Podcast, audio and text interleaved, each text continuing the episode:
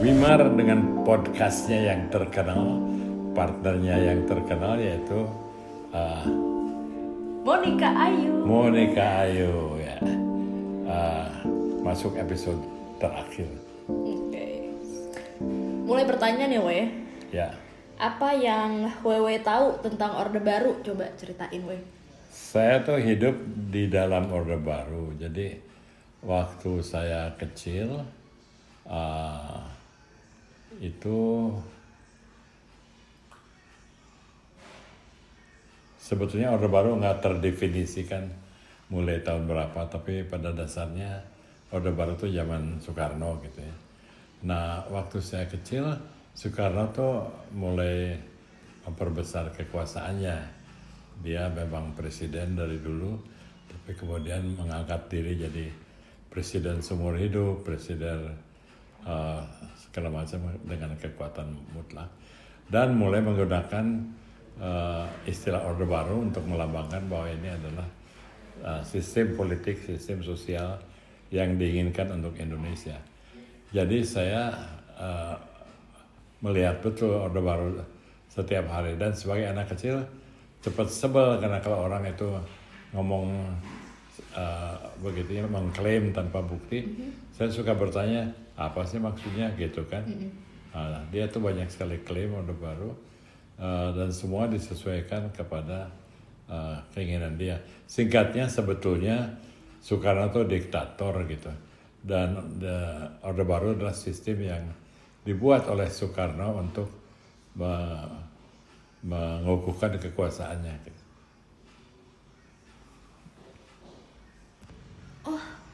Saya kira Orde Baru tuh malah zaman Soeharto. Iya, saya salah juga tuh. Emang yang Soekarno mah Orde Lama ya. Saking udah lamanya, iya. Jadi Orde Lama aku juga sebel. Malah jadi waktu Soeharto itu muncul dan saya waktu itu sudah mulai mahasiswa, uh, aku senang banget ya. Uh. Aku tuh sangat mendukung Soeharto karena dia nggak banyak uh, dulu istilahnya ngecap nggak nggak banyak tahu nggak sih ngecap? Enggak, nggak banyak apa, omong kosong. Ya. Oh kalau sekarang bahasanya lamis. Lamis, itu orang nggak tahu gua.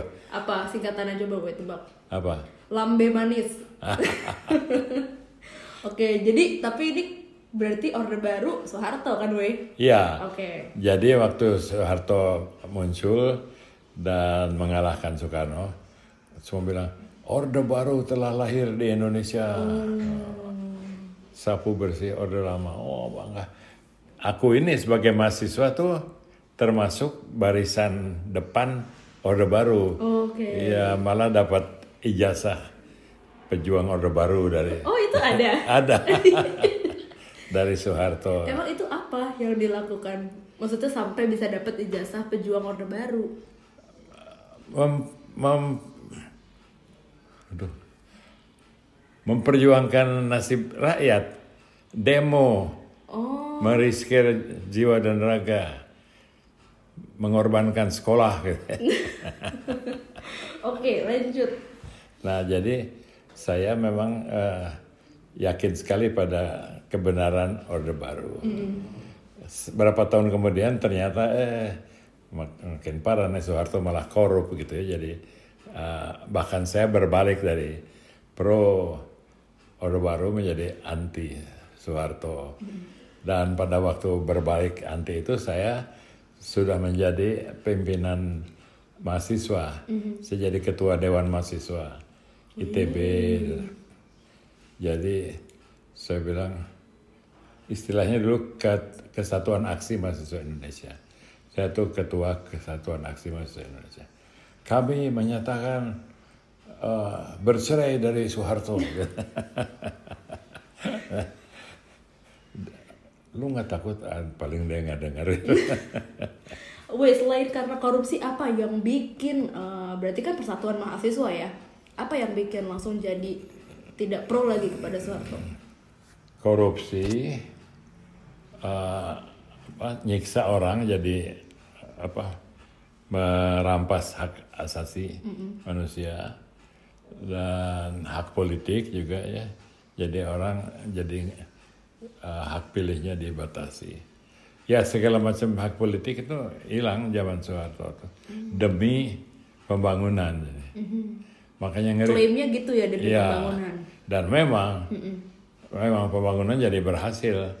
Seperti sekarang aja jalan tol jadi berhasil kan. Mm-hmm. Saya nggak samakan lah sekarang. Tapi waktu itu uh, Soeharto tuh berhasil bikin kalau mahasiswa tuh udahlah jangan ribut lagi sekarang kita membangun. Mm-hmm. Hei, ya. Kalau artinya lo jangan demo lagi lo sekarang nurut gua aja. Nah jadi uh, uh, membuat pembangunan menjadi panglima gitu ya.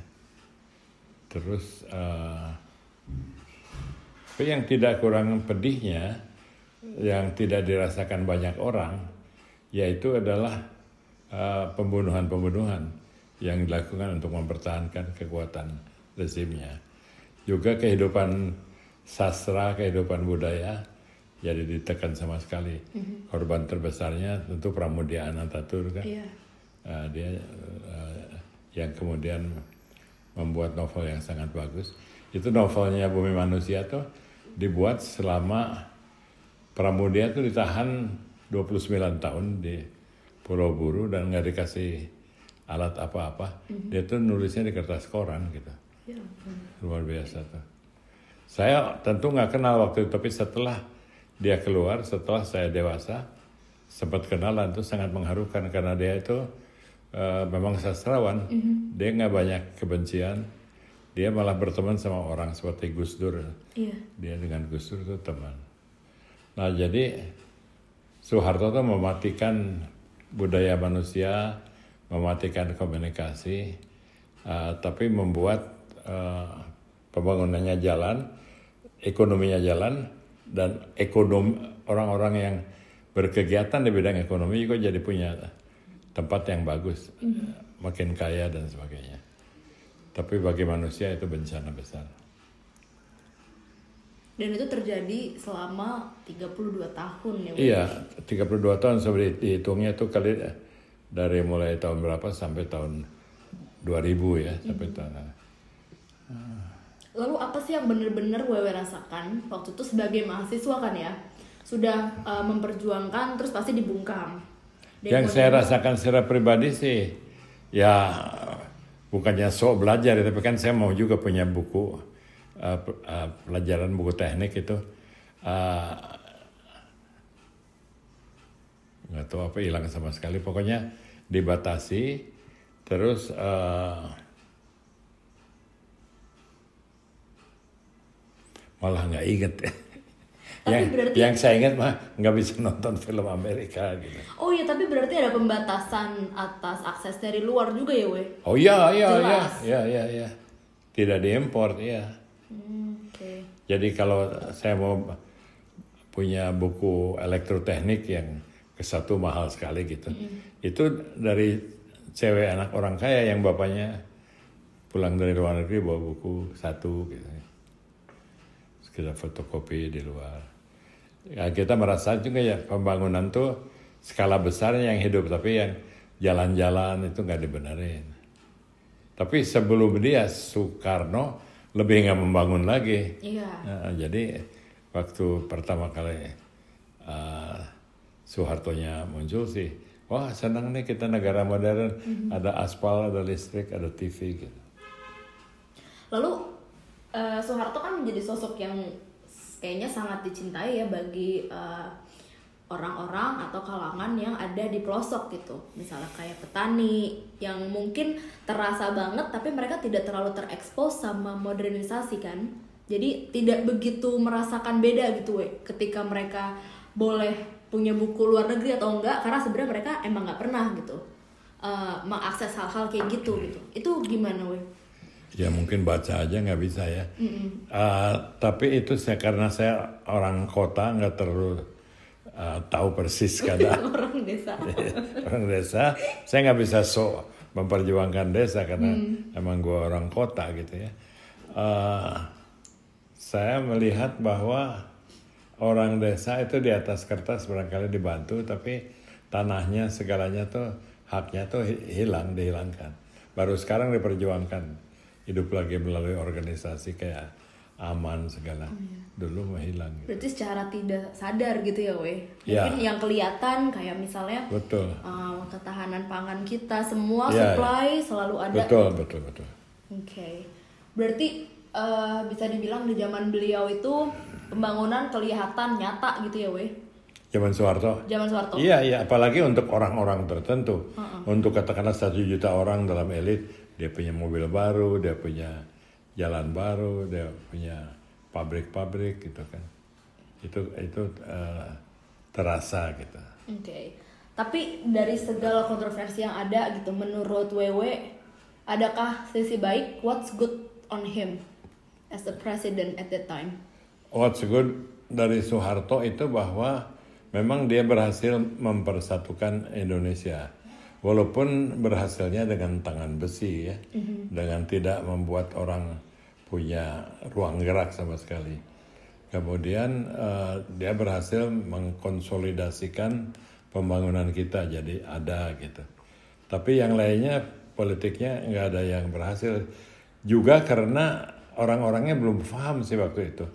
Misalnya ada proyek bikin sawah yang satu juta hektar.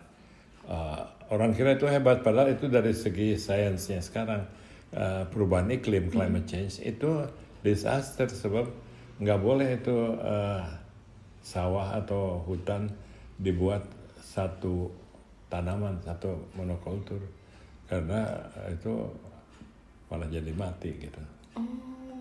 Jadi banyak yang dia buat kesalahan tidak sengaja. Oke.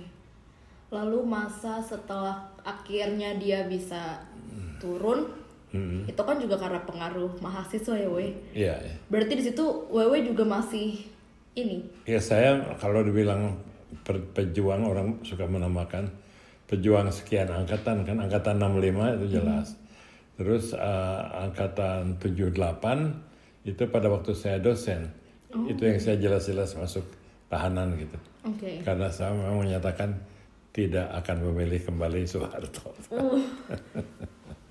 Nah sebenarnya ini juga pembahasan yang seru kayaknya untuk kita kulik lagi. Iya. Gimana zaman setelah Soeharto lengser. Itu sih mungkin patut dibahas secara detail tuh masing-masing Iya. karena itu periodenya juga lama. Iya dan pastinya supaya yang pendengar menunggu-nunggu mungkin bisa kita khususkan. Simpan dulu.